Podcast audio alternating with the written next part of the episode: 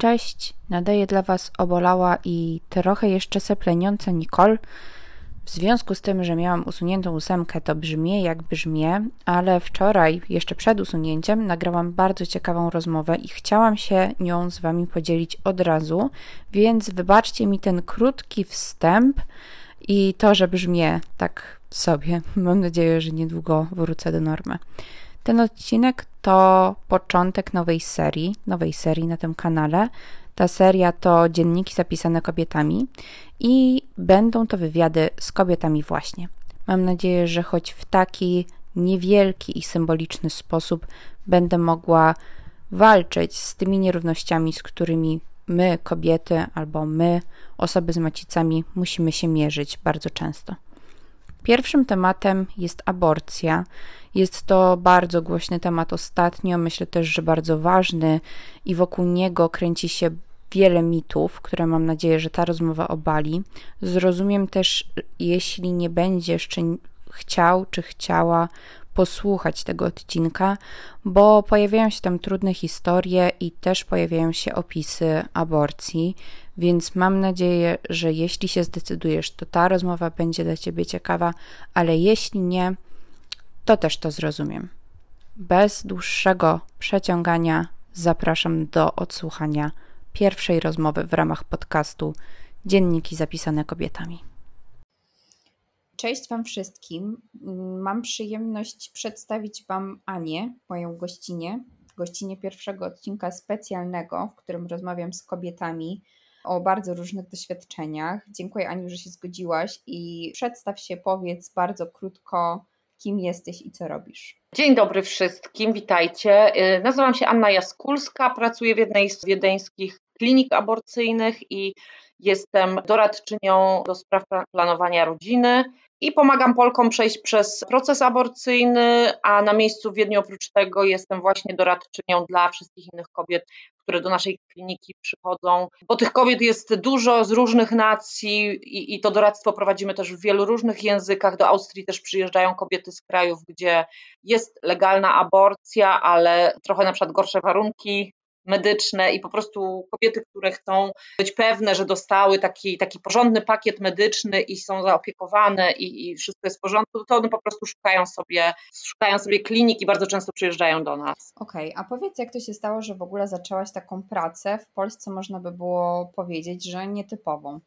To się zaczęło w 2007 roku, kiedy mm, zadzwoniła do mnie znajoma z Polski, która właśnie próbowała aborcji i chciała się w Wiedniu po prostu gdzieś zatrzymać i, i, zapytała, czy może u mnie przenocować. Ja ją oczywiście zaprosiłam do siebie bardzo serdecznie. I ja na początku do niej, z nią razem do tej kliniki nie poszłam, natomiast ona do mnie stamtąd zadzwoniła, że lekarz jej kazał zostać. Już wszystkie pacjentki, jak gdyby po zabiegu, zostały zwalniane e, do domu że mogą iść i ona się bała, że z nią jest coś nie w porządku, że coś poszło nie tak, że, że są jakieś problemy medyczne i że on dlatego poprosił ją, żeby ona została.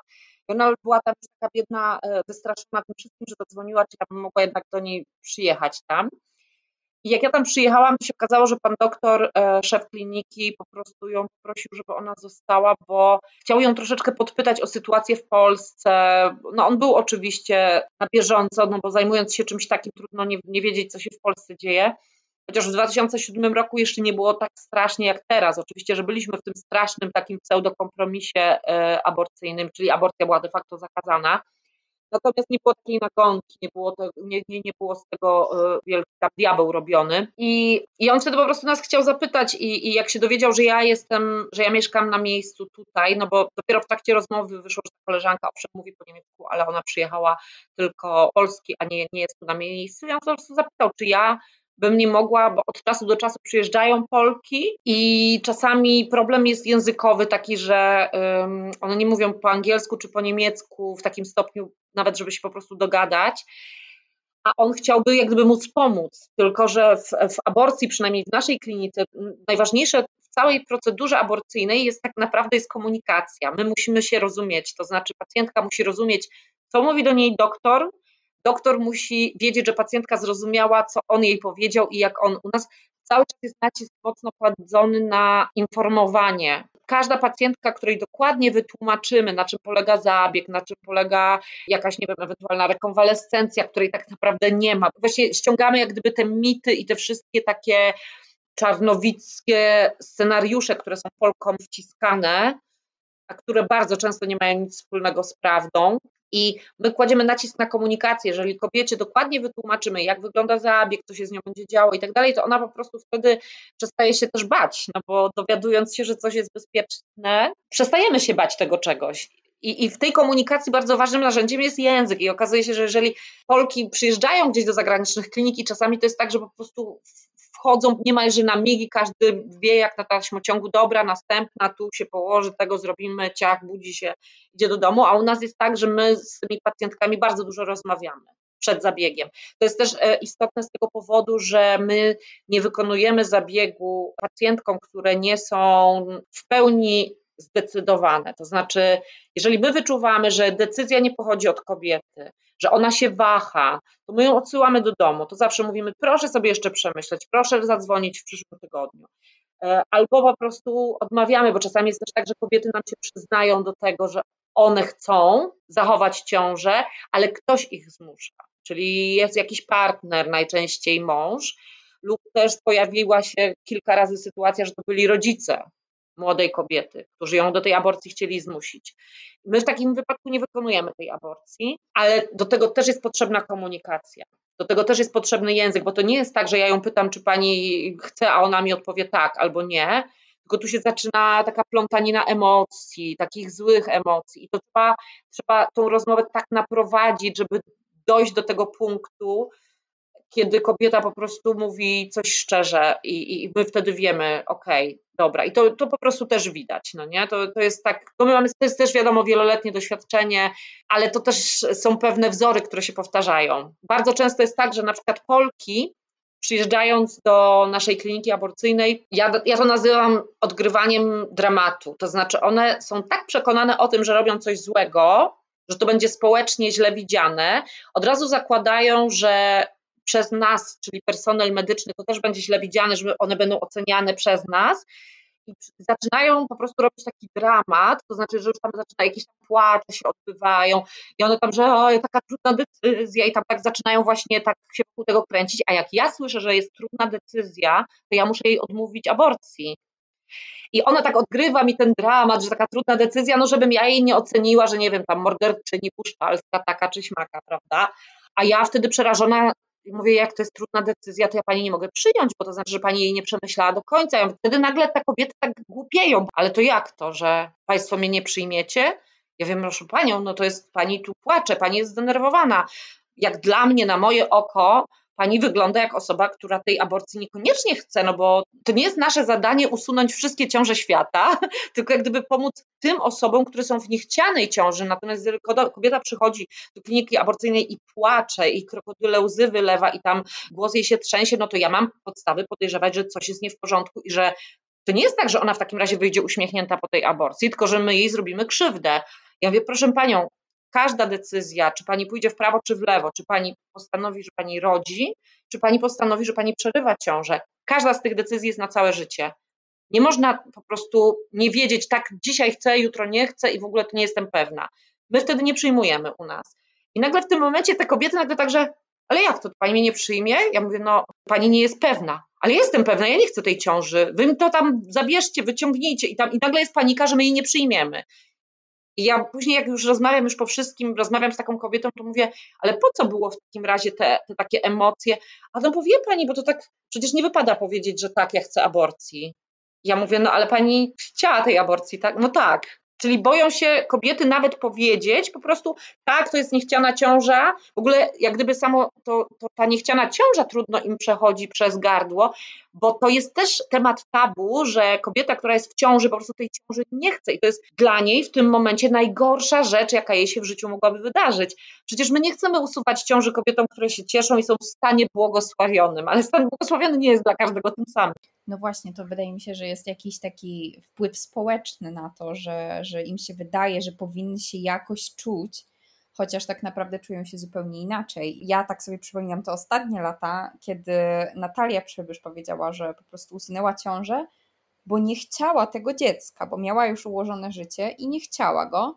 I wtedy wszyscy mówili, że okej, okay, aborcja, okej, okay, ale no kurde, usuwasz ciążę, bo nie masz miejsca w mieszkaniu, no że to nie jest taki powód, ale powiedz mi, jak ty masz taką perspektywę wielu tych kobiet i wielu tych historii, to czy w ogóle istnieje coś takiego jak dobry powód, żeby wykonać aborcję?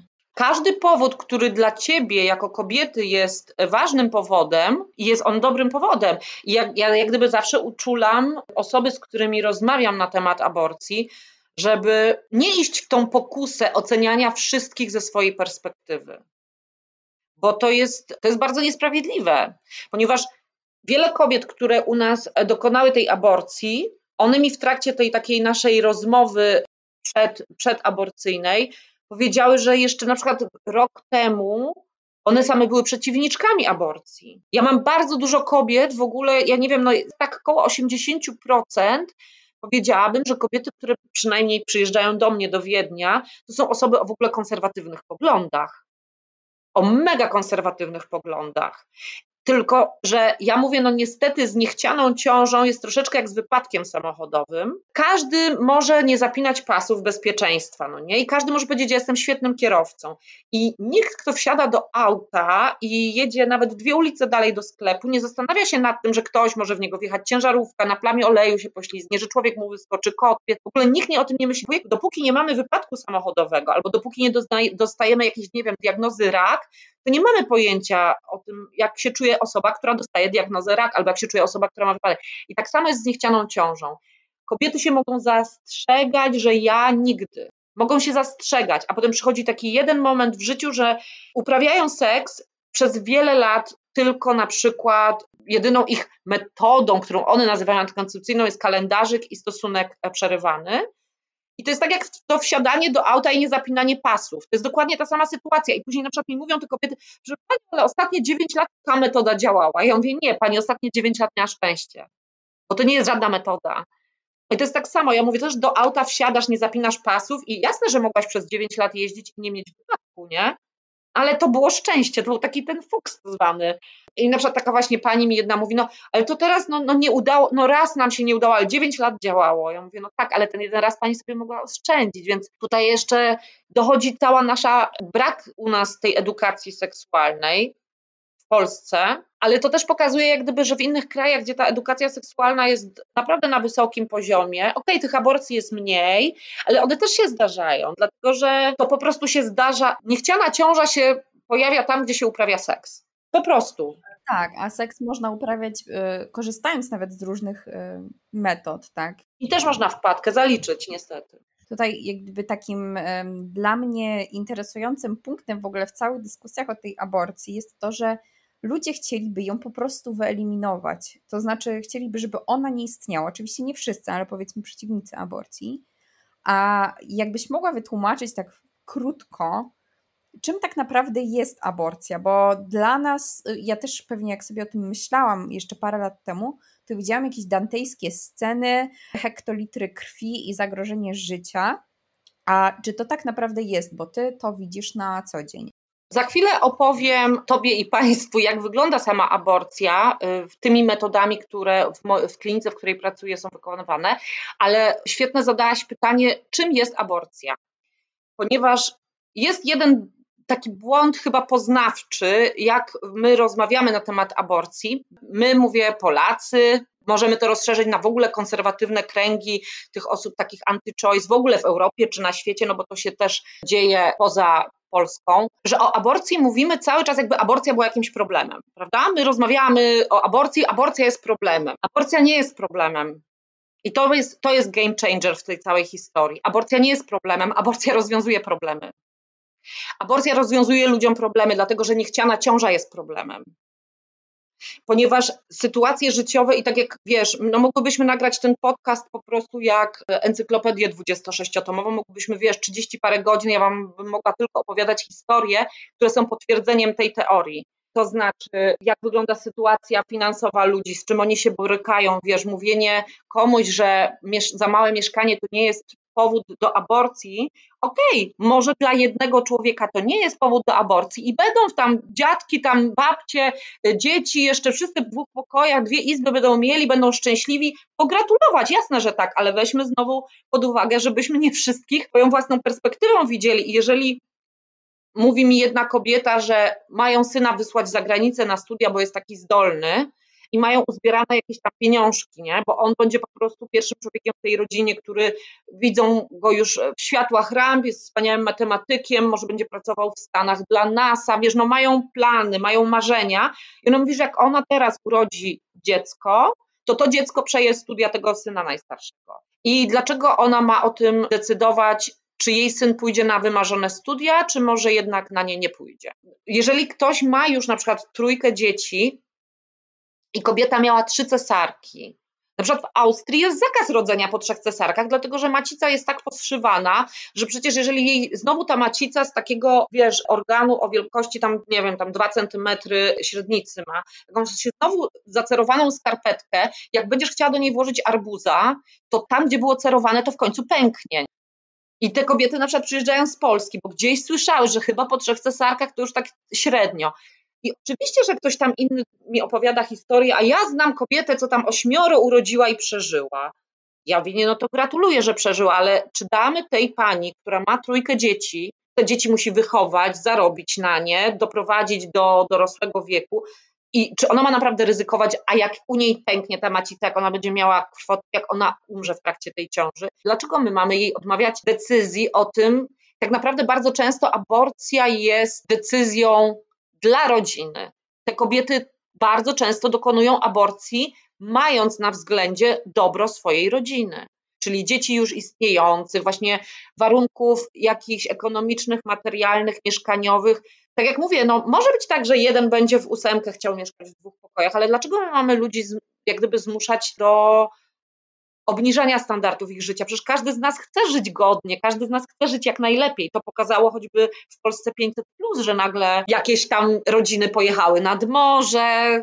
Ludzie chcą po prostu mieć dobre życie. I to, że nam się aborcja nie podoba, to nie znaczy, że jakaś inna kobieta ma później się wnieść w jakimś tam jednym pokoju. No matki samotnie wychowujące dzieci, gdzie były mąż przyszedł odwiedzić i przy okazji jeszcze puknął żonę, no przepraszam, że tak powiem, i jeszcze ją zapłodnił no to są też czasami takie anegdotyczne argumenty na temat chociażby tych wielokrotnych porodów. To tak jak powiedzieć, że no niby mój dziadek palił 50 lat papierosy i nie umarł na raka, no ale to może być akurat taki właśnie przypadek, a raczej nie jest to reguła. No jakby nie ma reguł, nie ma zasad, nie ma co narzucać jakiegoś jednego poglądu, ani jednej prawdziwej przyczyny, dla której można, a dla której nie można robić aborcji. Myślę też, że u nas jeszcze inną stroną całej tej dyskusji jest właśnie antykoncepcja, bo antykoncepcja jest tutaj oczywiście bardzo ważna, bo to się mimo wszystko dużo rzeczy łączy w ogóle w, w, tych naszych rozmowach o aborcji, no ale dla wielu osób antykoncepcja jest po prostu grzechem, więc kiedy mówisz, że aborcja to jest rozwiązanie problemu, no to dla nich to jest najcięższy grzech, tak, bo to jest zabicie życia, zabicie już istniejącego człowieka, podobnie w ogóle antykoncepcja. Ja zresztą słyszałam takie opinie sama na własne uszy od bardzo młodych ludzi, którzy właśnie mówili, że chociażby stosowanie prezerwatywy to już jest niemal jak morderstwo płodu. Jeśli nawet ktoś tak uważa, no to okej, okay. natomiast dlaczego narzucać wszystkim, żeby wszyscy tak uważali, nie? Jeżeli ktoś jest przeciwnikiem aborcji, to jej nigdy nie zrobi. Tylko, że jest jeszcze jedna sprawa. Dlaczego ktoś, kto sam czegoś nie, nie zrobi, tak bardzo walczy o to, żeby inni tego też nie robili? Są badania psychologiczne, które potwierdzają, że na przykład kobiety opowiadające o aborcji i mówiące, nawet takie, które chcą dać taki wyraz akceptacji, jak gdyby tego, że ktoś inny robi, i na przykład w jednym zdaniu dają taką informację, że mówią tak, Oczywiście ja bym na przykład nigdy aborcji nie zrobiła, ale jak ktoś inny chce zrobić, to ok. Podobno już samo mówienie o podkreślanie w wypowiedzi, że ja bym nigdy nie zrobiła. Pierwsze tego nikt nie wie, bo nigdy nie mów nigdy i tak jak mówiłam, to są bardzo często właśnie te osoby, które zawsze mówią nigdy bym nie zrobiła aborcji. Podkreślanie tego w wypowiedzi to już jest takie troszeczkę zasłanianie się, żeby rozmówca właśnie, a ty byś na pewno, to ty już pewnie to zrobię, więc już ja to bym nigdy, to te inne, i już to jest stawianie siebie trochę w lepszej sytuacji niż te, które zrobiły, bo ja to nigdy. I jest też potwierdzone takie właśnie, są badania psychologiczne, że te, co najbardziej podkreślają, że nigdy, to tak naprawdę one się boją legalnej aborcji, bo gdyby ona była legalna, a one by nagle miały tą ciążę niechcianą, prawdopodobnie by poszły i zrobiłyby tą aborcję. I one tak nawet walczą o to, żeby tego prawa nie było, bo to prawo byłoby dla nich czymś kuszącym w sytuacji, kiedy one by nie chciały ciąży. I dlatego z góry walczą, żeby po prostu tego nie było. Ponieważ, tak jak mówię, z mojego doświadczenia, przede wszystkim pacjentki, które przyjeżdżają do nas, to są w 85% matki. To są osoby, które dzieci już mają, a z tych 85% 70% to są naprawdę osoby o konserwatywnych poglądach. A to nie są młode dziewczyny, które lubią seks i zmieniają często partnerów, bo ja myślę, że to się w Polsce łączy jak gdyby tak. Ten seks jest takim tematem tabu. W ogóle no już sam fakt, że nawet w naszym języku nie mamy słów, które by służyły do opisywania aktu seksualnego, do naszych organów płciowych, no to są, to są jaja jak berety, ja to nazywam, nie? że my nie mamy nawet narzędzi werbalnych do tego, żeby o tym mówić w taki normalny sposób. Nie? Możemy tak albo wulgarnie, albo medycznie. E, jeżeli z antykoncepcją są takie historie, bo to nie jest prawda, że ona jest w Polsce po prostu łatwo dostępna, bo wiadomo, że trzeba iść do lekarza, trzeba iść to. Dziewczyny z małych miast muszą gdzieś podjechać. Antykoncepcja wcale w Polsce nie jest łatwa. Seksualność chyba jest tym tematem tabu, który y, wiadomo, że w ciąży się zachodzi poprzez uprawianie seksu i to wszystko się w jednym kotle miesza podlane takim sosem kościelnym. My w ogóle powinniśmy chyba zacząć rozmawiać od takiej strony biologicznej. No jesteśmy po prostu tak stworzeni, że każdy człowiek ma jakąś seksualność jadąc w tramwaju i patrząc, nie wiem, nawet na pana starszego, panią taką, każdy człowiek ma jakąś seksualność, no nie? No nie możemy udawać po prostu, że, że świat jest taką różową farmą z takimi błękitnymi konikami i że ludzie będą uprawiać seks po ślubie. To jest seks, to jest trochę tak jak jedzenie, oddychanie. No można żyć bez, ale tak naprawdę to jest część naszego życia i robienie z tego tabu już powoduje, że wszystkie tematy poboczne też się stają tabu. No to pewnie zburzy wiele mitów, to co mówisz. Mm, a to jest bardzo krótka droga do tego, żeby to wszystko przestało być tabu, tak sobie myślę, bo myślę po prostu, że edukacja seksualna jest bardzo ważna i bardzo potrzebna, a no, u nas chyba jest z nią trudno. Nie wiem, czy masz takie wnioski. Jest trudno, dlatego że ja mam jeszcze takiej ankiecie, taki formularz mam, który po przyjęciu pacjentki, zanim zaczniemy tą rozmowę naszą, to jeszcze ja muszę wypełnić ten formularz. Tam są różne y, dane dotyczące zdrowia, wzrost waga, takie no, dotyczące ciała. I tam jest pytanie, jaka antykoncepcja nie zadziałała. Dlatego, że my to wpisujemy w statystyki, no bo wiadomo, mogą być spirale, które się wysunęły, czy może tam jakaś tabletka mogła nie zadziałać, bo akurat pacjentka, i wtedy dopytujemy, czy na przykład miała, czy miała wymioty, czy chorowała, no bo z jakiego powodu ta tabletka nie zadziałała. Potem następne pytanie to jest takie, jakie, jaką antykoncepcję pani planuje na, na czas po zabiegu, i wszyscy są zawsze mega zdziwieni, czemu my o to pytamy. A my mówimy, no tak, ale to można porozmawiać z lekarzem, można dostać e, recept, można dostać właśnie choćby opinię lekarza, bo może ze swoim się wstydzi rozmawiać, bo to też e, się zdarza. Że się chodzi do ginekologa i się go wstydzi zapytać o rzeczy, które należą do jego pracy. I wszyscy są zdziwieni. Czasami mężowie pacjentek do mnie mówią na przykład, że ale wy tak bez sensu trochę tak uczycie o tej antykoncepcji, a przecież wy żyjecie z aborcji. A znowu taka, taka dziwna rozmowa, to bardzo często słyszę, że, że ci mężowie są zdziwieni, że my jak gdyby dajemy tym pacjentkom wiedzę, żeby po zabiegu ona już więcej do nas nie trafiła. Mówię, no z aborcją jest tak, że ona po prostu była zawsze na świecie, od zarania dziejów, od starożytnego Egiptu aborcja i próby antykoncepcyjne i po prostu ona zawsze będzie. Ona zawsze będzie. Dlatego mówię, nawet w tych cywilizowanych krajach, takich wysoko rozwiniętych, gdzie ta antykoncepcja jest łatwo dostępna, też się zdarza, bo po prostu takie jest życie, że to się zdarza. Nie? Mhm. No to wracając do tego tematu, jak wygląda taki zabieg, w ogóle jakbyś mogła powiedzieć też z Twojej perspektywy pracowniczki tej kliniki, powiedzmy, to się dzieje, że ta kobieta w ogóle trafia na ten fotel lekarski, tak krok po kroku. Mhm. No więc zaczyna się wszystko od telefonu. Nie przydzielamy terminów na przykład przez maila albo przez nie wiem, jakiegoś SMS-a, tylko pacjentka do nas musi zadzwonić i musi odbyć rozmowę z jedną z nas. I ta rozmowa jest pierwszą taką instancją, ponieważ już w czasie tej rozmowy jesteś w stanie wyczuć, czy ta osoba, w jakim ona jest stanie psychicznym, czy na pewno chce, czy nie chce Bardzo często się zdarza, że dzwonią e, partnerzy i my wtedy zawsze prosimy kobietę do telefonu. To jest też taki mechanizm, że te kobiety po prostu czują się, y, no, no one będą miały tą aborcję, czyli nawet jakby ten facet ją trzymał za rękę, kochał i wspierał, no to ona idzie na fotel właśnie i na zabieg. Więc one chcą trochę, żeby ten facet był y, zaangażowany w ten proces, więc niech on to przynajmniej załatwi ten termin. Czasami one się wstydzą przez telefon rozmawiać, dlatego wolą, żeby facet, właśnie bo boją się, że pracownik kliniki, nie wiem, coś im powie głupiego. Jak już rozmawiam z kobietą przez telefon, to biorę od niej tam różne dane, zapisujemy termin, ustalamy go. E, kiedy przyjeżdża, to pierwszego dnia e, odbywa się. Są takie kliniki w Wiedniu, gdzie jest trochę jak na taśmociągu, ja na to znaczy się przyjeżdża, wchodzi się, jest zabieg, wychodzi się. U nas jest tak, że trzeba sobie niestety wziąć wolne na dwa dni, dlatego że pierwszego dnia jest badanie. Przede wszystkim pacjentka musi być zbadana przez lekarza ginekologa i musi z nią być odbyta właśnie ta rozmowa, żeby ją, i ta rozmowa jest też dla pacjentki, bo ta rozmowa ma też na celu jej uspokojenie, rozwianie jej wątpliwości, odpowiedzenie na wszystkie jej pytania, Plus jeszcze to, że ona dopiero na drugi dzień przychodzi rano na zabieg i ma jeszcze kilka godzin, daje tym pacjentkom dodatkową taką poduszkę czasową, że teoretycznie, jak ona by się chciała po tym badaniu ginekologicznym wycofać, to jeszcze ma szansę. Ona wcale nie musi do nas na ten drugi dzień przychodzić, nie, jeżeli nie chce. Bo może być tak, że ona w tej klinice jednak poczuje, że mm, mm, mm nie chce. I to jest okej, okay, to jest wszystko w porządku, no nie? Dlatego jest ten pierwszy dzień. I na drugi dzień dostaje termin już na zabieg, to się odbywa wszystko przed południem dostają najpierw taką tabletkę y, przygotowującą do zabiegu. To jest tabletka, która ma delikatnie rozluźnić mięśnie szyjki macicy, bo szyjka macicy jest, z tego co się orientuje, jest chyba w ogóle najsilniejszym mięśniem ludzkości. Nie ma silniejszego mięśnia, no bo szyjka macicy musi utrzymać całą tą ciążę z wodami, ze wszystkim, prawda? A kobiety jednak do samego porodu są na nogach.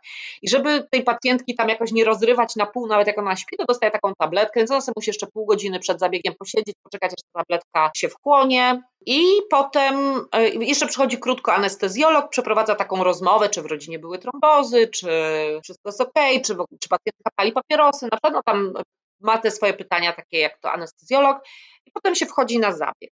Pacjentka dostaje jeszcze łóżko y, ze świeżą pościelą, takie przygotowane, że po zabiegu w tym łóżku będzie mogła sobie chwilę po prostu poleżeć, może się przespać nawet. I na zabieg wchodzi pacjentka, jeżeli sobie tego życzy, to wchodzi ze mną. Jeżeli chce, to wchodzi sama. Tam na nią czeka lekarz operujący, anestezjolog i pielęgniarka.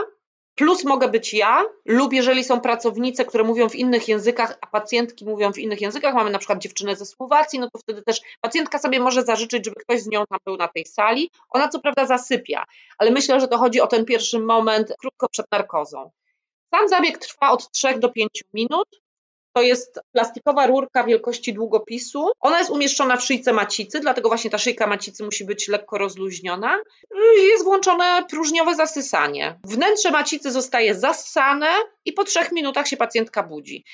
Najczęstsze pytanie, które pada u kobiet przed zabiegiem, to jest, czy ja będę zmasakrowana, czy mnie będzie bolało, czy, czy ja jeszcze będę mogła mieć dzieci, czy ja będę miała uszkodzoną macicę. No i ja zawsze wtedy tłumaczę, przy takiej plastikowej rurce i powietrzu to jest trudno uszkodzić kogoś, nawet jakby się bardzo chciało. Nie? Musiałby być bardzo niedoświadczony lekarz, który by tą rurkę po prostu jakoś, nie wiem, wepchnął do tej macicy i, i tą macicę perforował, czyli przebił ją na przykład na wylot. Od tego się nie umiera, ale mogłaby się zdarzyć taka sytuacja. Natomiast też mówię, no plastikowa rurka, to tak naprawdę wygląda trochę jak słomka taka do drinków. Długopis przeźroczystego plastiku, naprawdę taka rureczka tam 20 centymetrów. Więc zawsze staram się też wytłumaczyć pacjentkom, że jeżeli to jest takie zasysanie powietrzem, to z czego ona miałaby być bezpłodna? Często kobiety się pytają na przykład, ale czy ja będę mogła w przyszłości jeszcze mieć dzieci? Ja mówię, tak, za dwa tygodnie. Ale pani mnie nie rozumie, czy ja będę mogła w przyszłości? Ja mówię, tak, za dwa tygodnie. Pani dwa tygodnie po zabiegu będzie miała normalną owulację, normalne dni płodne i pani po prostu może zajść w ciążę. I jest też taki moment konsternacji, że to kobieta tak, ale no jak to, przecież po aborcji się umiera, się wykrwawia się. Ja mówię, no tak, ale aborcja nie jest równa aborcji. Właśnie jak gdyby o tym mówimy, nie? że co innego trafić właśnie do podziemia, do jakiegoś łapitucha, który robi po prostu te stare skrobanki, to łyżeczkowanie. Jak sobie człowiek wyobrazi w macicy metalowe narzędzie, którym się gdzieś tam właśnie skrobie po ściankach, no to faktycznie łatwiej jest chyba sobie wyobrazić jakieś uszkodzenie, niż taki jakby no mini odkurzacz. To jest po prostu inna metoda. To jest inna metoda. Natomiast tej metody w Polsce na pewno nie ma, dlatego że to jest nowa. No, ona już tam hula od ładnych kilkunastu lat w Europie Zachodniej, tylko że w Polsce przez to, że ten zabieg jest nielegalny, to mamy tu kolejne minusy, dlatego że jeżeli coś by było standardowym zabiegiem, tak jak na przykład, nie wiem, wycięcie ślepej kiszki, no to studenci medycyny wiadomo, że z zamkniętymi oczami pewnie na egzaminach te ślepe kiszki trzaskają, bo to jest po prostu jedna z podstawowych rzeczy. Z tą aborcją jest troszeczkę inaczej, bo przez to, że zabieg jest nielegalny i można go wykonywać tylko jak dzieje tam tragedia, zresztą teraz już i tak nie, no to wiadomo, że nie kładzie się nacisku na to, żeby lekarza wyszkolić w tym kierunku, w kierunku czegoś, co jest nielegalne. Czyli my mamy lekarzy, którzy są mniej wykwalifikowanymi fachowcami akurat w tej sytuacji. Zabieg aborcji dla ginekologa powinien być dokładnie jak ta ślepa kiszka dla chirurga.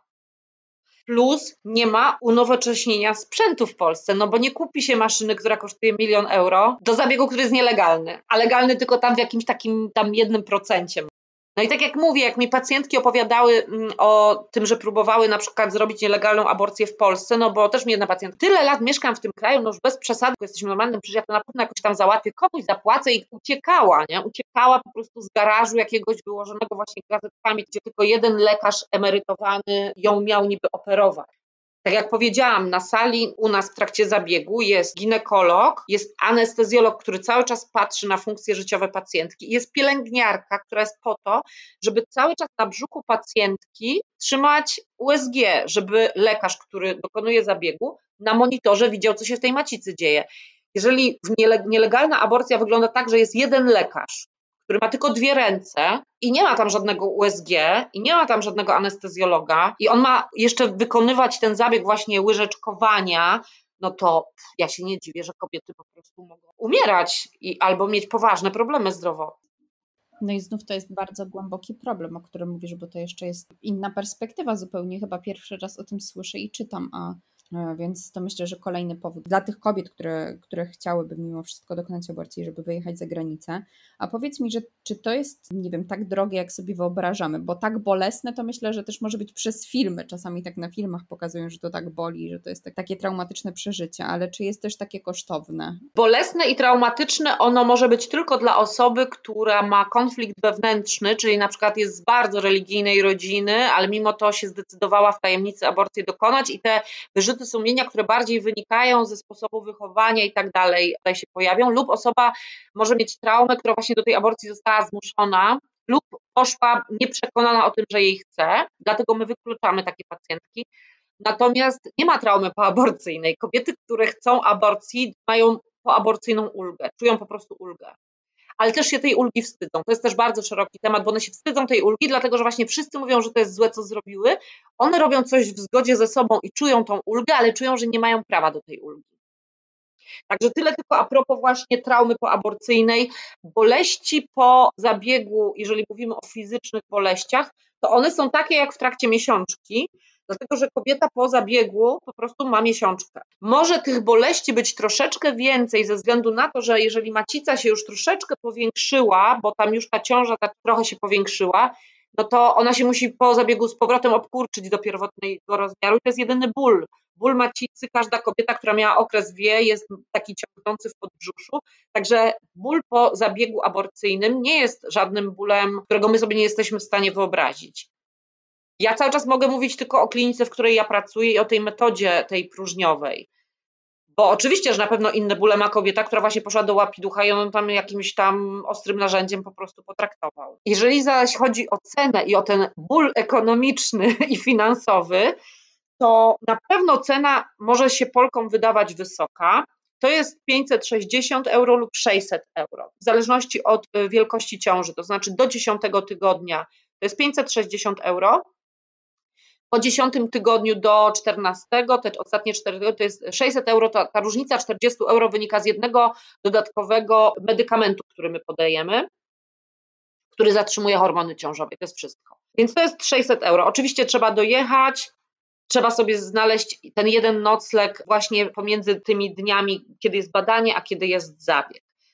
No podejrzewam, że się można zmieścić w niskobudżetowym wyjeździe, spanie u jakichś znajomych albo po prostu Airbnb, jechanie samochodem albo blablakarem, bo miałam takie pacjentki też, które jakimś blablakarem z obcymi ludźmi jechały. Ja myślę, że się można zamknąć w takich kosztach, no tam pewnie 3000 złotych. I oczywiście, że ta suma wydaje się w tym momencie olbrzymia, za zrobienie zabiegu i nie każdy ma odłożone takie 3000. Tylko, że zabieg nielegalny w Polsce, my cały czas mówimy o takiej prywatnej klinice w Wiedniu i w, no, sofy, czyściutka pościel i ciasteczka na talerzyku i kawa cappuccino, no nie, podawana w filiżankach. A zabieg w Polsce u łapiducha kosztuje od 5 tysięcy złotych do 10 tysięcy złotych w dużych miastach. Warszawa, Trójmiasto, wiem, że to jest 10 tysięcy. I teraz tak, możemy trafić na wersalkę w jakiejś piwnicy, nie wiedzieć, czy się obudzimy, czy się nie obudzimy i zapłacić 10 tysięcy, albo za 3 tysiące możemy pojechać do Wiednia. Stąd może tak dużo jest u nas w naszej klinice mężatek, matek, bo to są osoby, które po prostu wiedzą, że one nie mogą zaryzykować swoim życiem, dlatego że one mają dzieci w domu do wychowania. One muszą być zdrowe a ich nie może zabraknąć. One wtedy wybierają opcję najbezpieczniejszą i myślę, że się nie kierują po cenach, bo nawet często nie wiedzą, że w Polsce to by było trzy razy droższe tylko się kierują po prostu jakością usługi. Tak, to myślę, że i tak jest cena, która mnie zaskoczyła jednak w drugą stronę, bo znów myślę, że to te wszystkie, nie wiem, programy albo wyobrażenia podpowiadały mi, że to będą właśnie jakieś dziesiątki tysięcy, a, a nie jednak setki euro. To jest e, zupełnie inna kwota niż, niż sobie myślałam. Mówimy dużo tutaj o Polkach, no bo z nimi pewnie też masz największe doświadczenie. A czy macie jakieś statystyki na temat tego, ile procentowo jest Polek wśród Waszych pacjentek? E, w tej chwili, w czasie akurat COVID-u, na pewno ta liczba spadła, dlatego że Polki miały po prostu utrudnione podróżowanie ilość Węgierek, bo na przykład taką nacją, która u nas e, w klinice jest chyba na pierwszym miejscu, jeżeli chodzi o cudzoziemki, to są Węgierki. To od razu też widać politycznie, jak się e, to wszystko ładnie ustawiło. Polak, Węgier, dwa bratanki. Ta Polka z tą Węgierką za rączkę po prostu autobusami, e, blablakarami za tą aborcją biedne do Wiednia muszą jeździć. Węgierki mają tylko jedną granicę do przekroczenia. Czyli gdyby w trakcie pandemii coś się wydarzyło, to ona może na inne przejście pojechać graniczne i tak dalej. Polki muszą albo przejechać przez Słowację, albo przez Czechy, albo no, przez Niemcy trochę naokoło. Tych granic jest więcej i po prostu kobiety się trochę bardziej bały podróżowania, bo bały się na przykład tego, że okej, okay, przez jedną granicę przejedzie, ale potem jest następna granica jakieś Czechy z Austrią, jak tam jej nie wpuszczą, jak ona zostanie w Czechach na kwarantannie nagle dwa tygodnie, to zaczęło y, być problematyczne, więc teraz tych Polek było mniej. Myślę, że wcześniej, przed pandemią, no Polek mogło być u nas gdzieś tam na trzecim miejscu. Na pierwszym miejscu są na pewno mieszkanki Austrii, bo nie mogę powiedzieć, że to są Austriaczki. Austria jest mm, takim krajem wielokulturowym i też jak gdyby widać, w których nacjach jak funkcjonuje aborcja, bo też jak gdyby widzimy, które nacje w jaki sposób się zachowują i na przykład to, co jest dla mnie było bardzo ciekawe, Polki z tymi dramatami, właśnie przed samym zabiegiem, które wywołują takie, takie dramaty, bo tak się wstydzą, bo czują się napiętnowane, więc same jak gdyby wychodzą z inicjatywą, że się same napiętnują trochę, to bardzo podobnie do Polek zachowują się muzułmanki, chociaż są spokojniejsze. Jedna z, z pacjentek muzułmanek powiedziała mi, że chyba w religii muzułmańskiej dusza pojawia się 60 dnia ciąży, czyli jeżeli zdążymy przed 60 dniem, to jeszcze to jest niby tam, że okej. Okay. Zależy kto co opowie, natomiast faktycznie ta dusza nie jest od samego początku w płodzie. Natomiast tak, y, ewidentnie widać, że po prostu te nacje, które są mocno powiązane z religią, mają trudniej, no bo dla nich to jest jakiś konflikt wewnętrzny po prostu. Natomiast mamy bardzo dużo pacjentek, takich Austriaczek, które pochodzą z krajów byłej Jugosławii, bo tam na przykład e, jest e, problem z używaniem antykoncepcji, coś właśnie w ich mentalności, oni opowiadają, też jak rozmawiam z tymi pacjentkami właśnie czy z Chorwacji, czy z Serbii, to one mi zawsze opowiadają jakieś takie historie, jak ja im proponuję właśnie rozmowę na temat antykoncepcji, że wyskakują z jakimiś takimi historiami, że na przykład spirala, nie, nie, nie, bo spirala zarasta w macicy. Ja robię takie oczy, mówię, a gdzie pani to słyszała? No bo moja ciocia mi powiedziała, bo one z mamą, bo coś tam w latach 70. właśnie w Jugosławii. No ja mówię, no to wie pani, jak pani z mamą chce rozmawiać swoją o antykoncepcji, a nie z lekarzem ginekologiem, to po co iść do specjalisty, jak mama mi powie, co z tymi spiralami? Na drugim miejscu po mieszkankach Austrii y, są Węgierki, a na trzecim miejscu są, myślę, że Polki i Słowaczki tak, tak razem, bo, bo, na Słowacji z kolei jest legalna aborcja, ale chyba nie jest ona tak jakoś. Nie, nie lubię się wypowiadać w zły sposób na temat innych krajów, gdzie aborcje są dokonywane, bo to zawsze trochę tak brzmi arogancko, jakbym tak mówiła, tak u nas lepiej, a tam u nich już nie tak ładnie. Skoro Słowaczki przyjeżdżają do Austrii na zabiegi, to myślę, że ja nie muszę nic od siebie dodawać. Mhm, rozumiem. No to ciekawe, ciekawe zestawienie. Myślę, że też może być zaskakujące. O tych Węgierkach to w ogóle nie przyszłoby mi to do głowy, ale w sumie, tak jak mówiłaś, politycznie to tutaj się wiele rzeczy skleja. Myśląc jeszcze o tych wszystkich historiach, to jakie uczucie najczęściej towarzyszy kobietom? Po dokonaniu aborcji? Po dokonaniu aborcji to jest ulga i praktycznie rzadko się spotykałam z tym, że po aborcji mm, jakieś tam wyrzuty sumienia, że nagle się coś tam zaczynało. To były, jeżeli kobieta po aborcji dalej z taką spuszczoną głową od nas wychodziła i taka była smutna, to były historie okołoaborcyjne, ponieważ tak się zachowują najczęściej kobiety, które zostały porzucone przez partnera w momencie, kiedy partner się dowiedział, że ona jest w ciąży. I to nie jest smutek związany z tą aborcją, tylko to jest smutek związany z całą sytuacją życiową, że jak gdyby ta, ta aborcja to już jest taki, taka kropla przelewająca szale, nie? bo ona po prostu, ta kobieta przyjeżdża i ona najczęściej już jest przeorana przez życie, no nie? Przeorana przez życie i miałam, miałam kilka takich sytuacji, to były na, zawsze takie pacjentki, których mi było najbardziej żal, bo one po prostu przeżywały dramat gdzie indziej, one przeżywały ten dramat gdzie indziej, dla nich ten facet, którego kochały i któremu ufały. Oczywiście, że strata takiego faceta jest, jest dla kobiety zakochanej i takiej, że jeszcze to zaufanie zostało zawiedzione. No, ja myślę, że to jest taki cios. Nie myślą tam o tym tam pięciotygodniowych tych takich komórkach sklejanych, bo to jeszcze nawet nie można mówić o embryonie, bo to piąty czy szósty tydzień. Te kobiety bardzo często, naprawdę bardzo szybko dowiadują się, że nie mają okresu i od razu ciach zaczynają szukać. Wiedząc, jak wygląda ten płód, to, to coś, co zaczyna być płodem w, czwartym, w piątym czy w szóstym tygodniu ciąży, tak jak mówię, no te kobiety też jak, jak ze mną rozmawiają o tym, to, to, to widać, że no, to nie jest kwestia te, tej aborcji. Zresztą tak jak mówię, jeżeli w trakcie rozmowy, w trakcie badania my mamy tych tyle instancji, najpierw rozmowa telefoniczna, potem rozmowa ze mną, potem rozmowa z lekarzem, potem jeszcze nawet ten anestezjolog, ciągle ktoś rozmawia z tymi kobietami, gdzieś na którymś etapie ona by puściła farbę i wyszłoby, że ona nie chce aborcji. Wtedy my jej nie dokonujemy. Także trudno powiedzieć, że ktoś wychodzi smutny po wykonaniu czegoś, co bardzo chciał zrobić. Wiem, że bardzo trudno jest czasami ludziom, którzy są szczęśliwi i mają fajne dzieci albo czekają na ciążę, że to jest trudno po prostu zrozumieć, no ale jak czegoś nie rozumiemy, to ja zawsze apeluję, tylko postarajmy się po prostu zaakceptować, że ktoś ma inaczej, nie? żeby ktoś ma inne odczucia wobec tej sytuacji. Że dla, naprawdę dla niektórych kobiet ta ciąża jest ich największym problemem życiowym, nie? bo ta ciąża im na przykład zmienia totalnie wszystkie jakieś plany życiowe. Hmm, każdy ma prawo odczuwać to zupełnie inaczej. I też my powinniśmy dać prawo, żeby każdy jednak czuł to, czuł to po swojemu. Tak. Jeszcze na początku samej rozmowy naszej powiedziałaś, że ten 93 to był e, rok taki no niezbyt szczęśliwy, bo my tutaj jednak wszyscy w ogóle w Polsce skupiliśmy się na tym jednak w 2020, kiedy, kiedy to prawo zostało zaostrzone, a ty mówisz, że już 93 to był trudny rok. No w 93 myśmy chyba podpisali konkordat. Ja to tak nie chcę skłamać, ale tak mi się wydaje.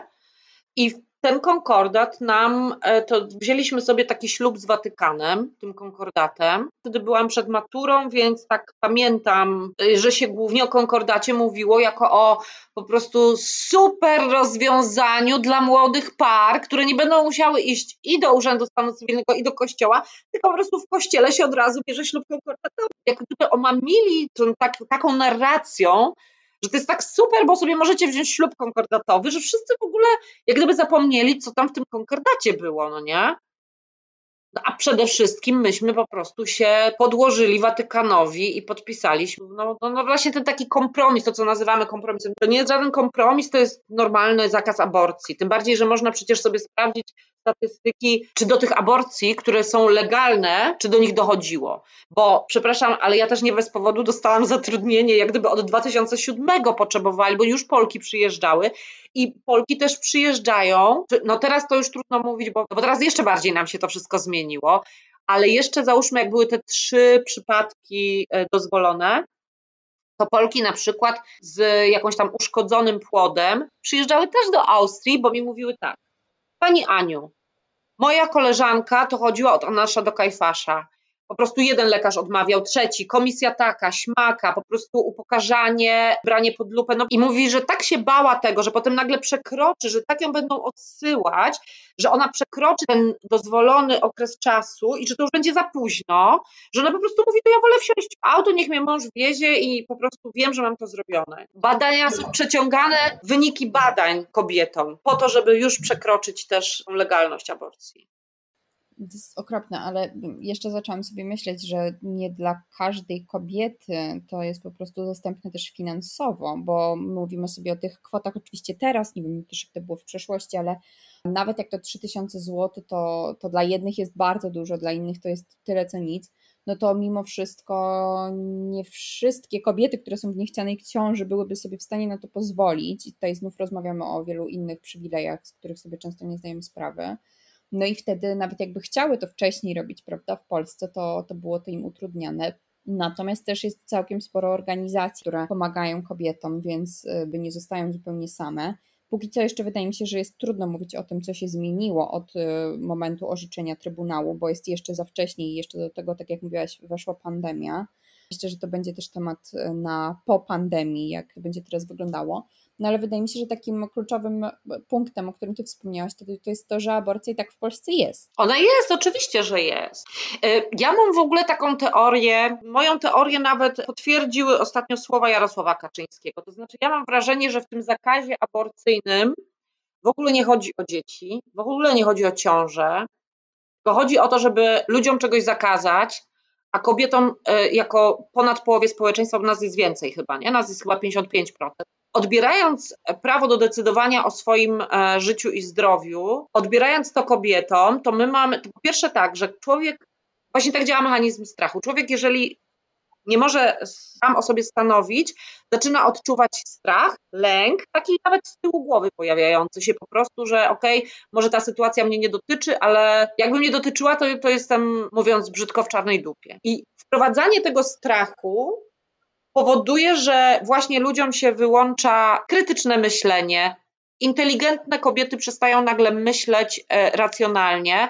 I tak naprawdę tu chodzi o to. Jarosław Kaczyński niedawno powiedział, że przecież każda Polka, która jest trochę rozgarnięta, to sobie ogarnie tą aborcję za granicą i jaki problem. Czyli tam nie chodzi o dzieci, bo gdyby chodziło o dzieci, to mielibyśmy inne pomoce socjalne. Nie byłoby sytuacji, jaka była też w Sejmie, kiedy strajkowały matki dorosłych osób niepełnosprawnych. Kible im pozamykali, potraktowali ich po prostu jak zera, jak śmieci. Czyli widać, że tam nie chodzi o o życie, o dzieciątka, o te matki. O to, chodzi tylko o to, żeby wprowadzić terror, żeby część ludzi nastraszyć. Ludźmi, którzy się czegoś boją, jest bardzo łatwo manipulować. Myśmy to widzieli w 2015, jak, była, jak się zaczęła sprawa uchodźców. Ja uważam, że to jest cała sprawa, to jest tak naprawdę tylko czysta polityka, polityka strachu, Wiemy, że ten rząd kocha ludzi straszyć, bo jak po tych uchodźcach nagle tak ja też mówię tak może nieładnie podcastowo, ale tak zesrało się kakao, bo się okazało, że tak ci uchodźcy nie przyjechali do tej Polski, nie pogwałcili, nie pobudowali meczetów,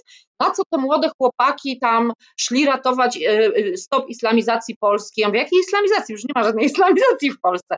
No i ta sytuacja się potem powtórzyła dwa lata później chyba z LGBT, nastraszyć, będą dzieci, masturbować. Ja po prostu nie mogłam tego słuchać. I aborcja to jest wtedy taki temat, że to wjeżdża na białym koniu. No bo uchodźcy tak nie udali się, nie? Bo w sumie nic nie zrobili złego. No to LGBT to też już tak zaczyna się bronić. Gdzieś trzeba by tym ludziom jakiś strach sprzedać. I ja widzę, że ta propaganda strachu działa, ona jest namacalna, bo ja widzę różnicę pomiędzy tym, jak się zachowywały kobiety przyjeżdżające do kliniki aborcyjnej w Wiedniu 10 lat temu, a jak one się zachowują teraz. To jest po prostu, to są dwa różne światy. Kilka dni temu była u nas lekarka z Polski, która mogła sobie to po znajomości gdzieś tam, no ale też bała się powiedzieć. Ona się bała, że tak, nasz telefon jest podsłuchiwany, że pod kliniką stoi polska policja. Ja jej powiedziałam, droga pani, polska policja ma w dupie nasze aborcje zagraniczne. No przecież polska policja też przyjeżdża na aborcję do mnie, bo też miałam funkcjonariuszki. Też miałam funkcjonariuszki. Tam jakoś tak było, czy organy ścigania się interesują kliniką. Ja mówię, oczywiście, że się interesują, bo przyjeżdżają do nas na aborcję organy ścigania. Ja nie powiem, które pracownice tego rządu były też, y, które, no, tak jak mówię, no, my musimy w głowie ten guzik wyłączyć, z takim wyobrażeniem, każdy z nas ma w głowie takie wyobrażenie, kto tą aborcję robi. Nie? I najczęściej to są właśnie te takie jakieś nastolatki, te takie właśnie, jak ja używam tego słowa sarkastycznie, te puszczalskie, te takie rozwiązłe, albo lewackie jakieś te takie wiadomo, nie? No nie, no nie, aborcja najczęściej właśnie dotyczy, tak jak mówię, takiej zwykłej, powiedziałabym, prawniczki w Bydgoszczy albo w Nysie, w jakimś małym mieście. Dotyczy pani, która w Żabce jest kasjerką, czy w Biedronce. Ona dotyczy nauczycielek, ona dotyczy policjantek, ale ona też dotyczy ich mężów, bo to jest sprawa rodzinna najczęściej, to nie jest sprawa tylko kobiet i tak naprawdę dotyczy każdego. Dotyczy każdego, bo dotyczy mężczyzn, choćby z tego powodu, że kobiety sobie ciąży palcem nie robią, nie? Tam ktoś jeszcze był w trakcie tego zapłodnienia. I ci mężczyźni też czasami są naprawdę tacy mega wspierający, mają poczucie winy, że, że zaszaleli, a trzeba było jednak się zabezpieczać, że może mogli nie narażać tej swojej partnerki i są czasami tacy mega opiekujący się no czasami są tacy mega aroganccy. Przychodzą i już próbują opieprzyć wszystkich naszych pracowników kliniki. Taki na zasadzie tak wchodzi z drzwiami, już trzaska, już tam.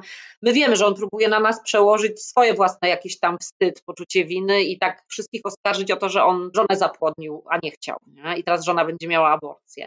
Miałam też takiego na przykład pana, który wszedł do poczekalni i tam się działo małżeństwo muzułmańskie Czyli dwie pary mamy takie, jedni tacy 30, plus, drudzy 30, plus, siadają naprzeciwko siebie i on patrzy na, na, na to małżeństwo i tak do mnie mówi po polsku, no bo wie, że oni nie będą rozumieć, więc wtedy jest taki odważny i mówi do mnie: O, a im to religia nie zabrania? A ja mówię, wie pan co, no tak jak panu. A on takie oczy na mnie wielkie robi. Ja mówię, no ale pan jest wierzący czy nie? No tak. Ja mówię, no to panu też zabrania religia. No tak. Ja mówię, no to czemu pan pokazuje na innych palcem? On mówi do mnie, no bo oni tak się obnoszą. Ja mówię, no a pan ma krzyżyk na szyi, też pan się obnosi w sumie. Nie rozumiem jak gdyby tutaj tego, nie? Ja miałam przykłady takich na przykład kobiet, które mi powiedziały, że są przeciwniczkami aborcji.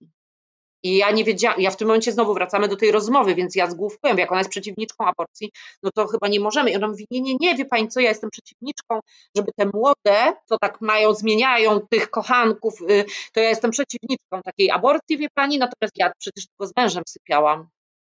Ja wiem, proszę panią, ale aborcja to jest aborcja. Więc jakie są zakamarki umysłu, jak człowiek sobie racjonalizuje i próbuje sobie wytłumaczyć, że on jest właśnie tym dobrym, i on nie robi nic złego, natomiast ci wszyscy inni. Ja tam mam dużo takich rzeczy, które bardzo są takie niespójne na pierwszy rzut oka, ale tak naprawdę w tym chaosie jest reguła, to znaczy to, to pokazuje duży wycinek takiej naszej narodowej jakiejś mentalności. Czasem to jest przykre, a czasem po prostu y, staram się o tym nie myśleć jako o czymś przykrym, tylko po prostu robię swoją robotę. Hmm. Dużo jest tutaj też mechanizmów psychologicznych o których pewnie ludzie nawet nie myślą, kiedy, kiedy się jakoś w konkretny sposób zachowują albo coś konkretnego mówią. A takie moje ostatnie pytanie do ciebie w sumie to będzie, jak radzisz sobie z tym wszystkim? Jak radzisz sobie z tymi historiami, czasami bardzo trudnymi? No na początku bywało mm, trochę trudniej, bo ja jako osoba dosyć empatyczna bardzo to wszystko przeżywałam.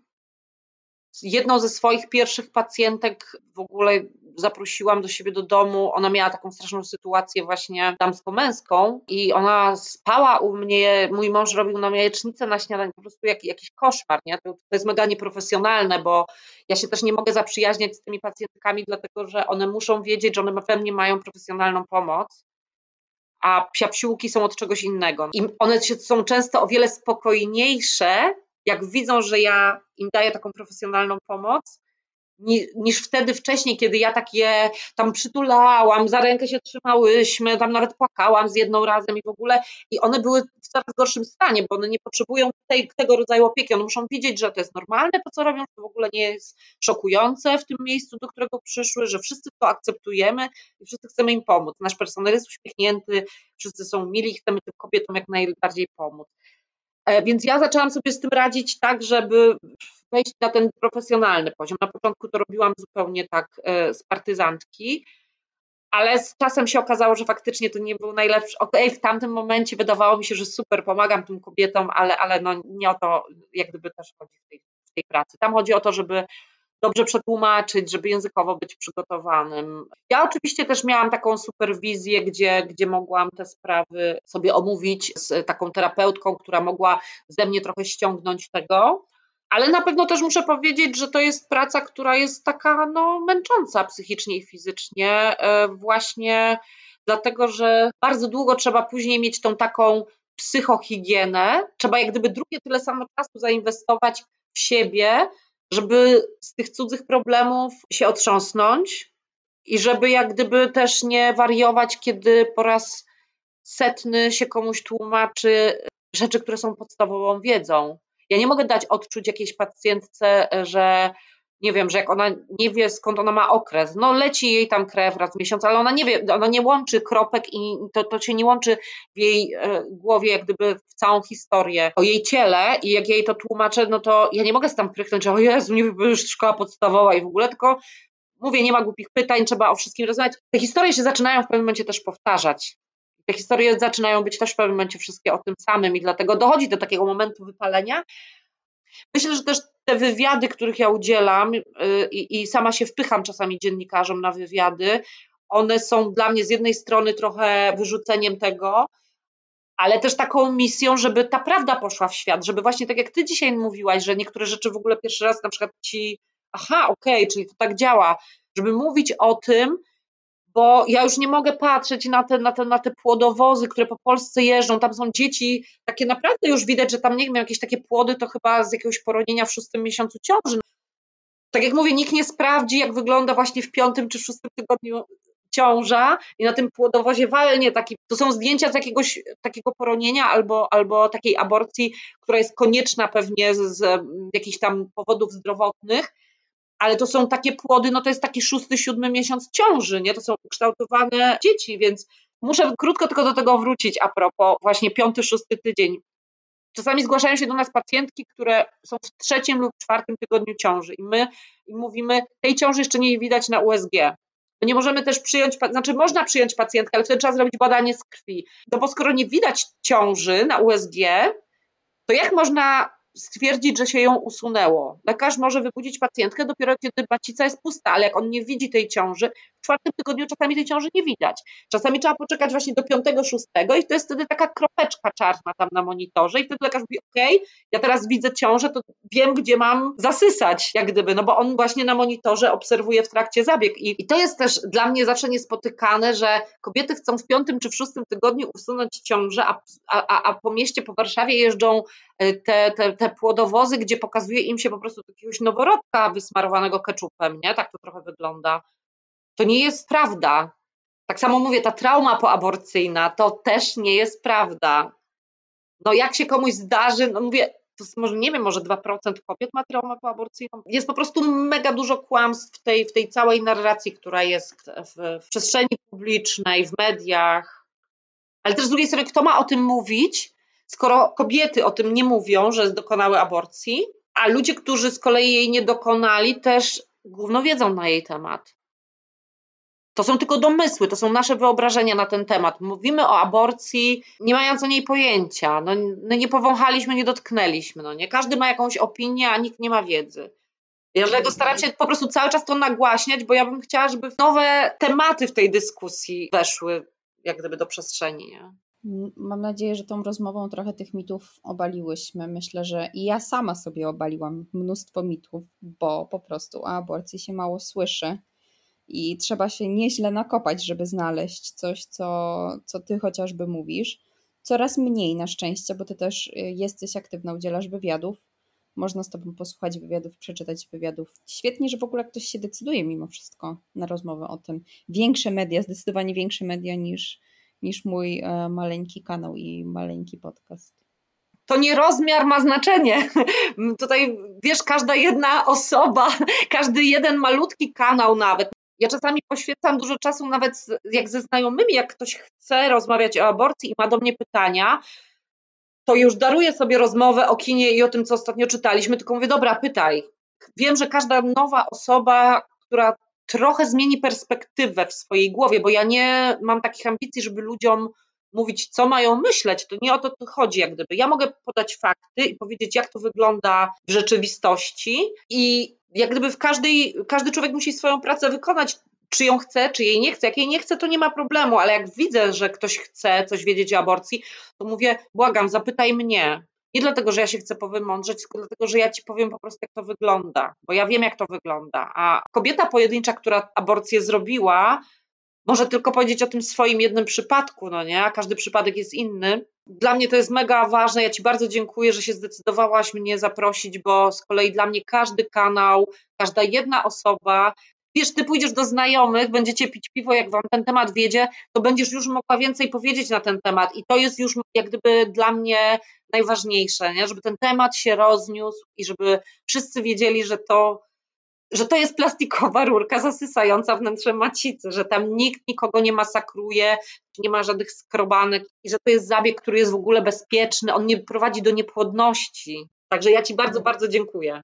I ja dziękuję za to, że się zgodziłaś i za tę bardzo owocną rozmowę i otwierającą i moje głowy, i mam nadzieję, że głowy wielu ludzi. Także jeszcze raz wielkie dzięki. Dzięki.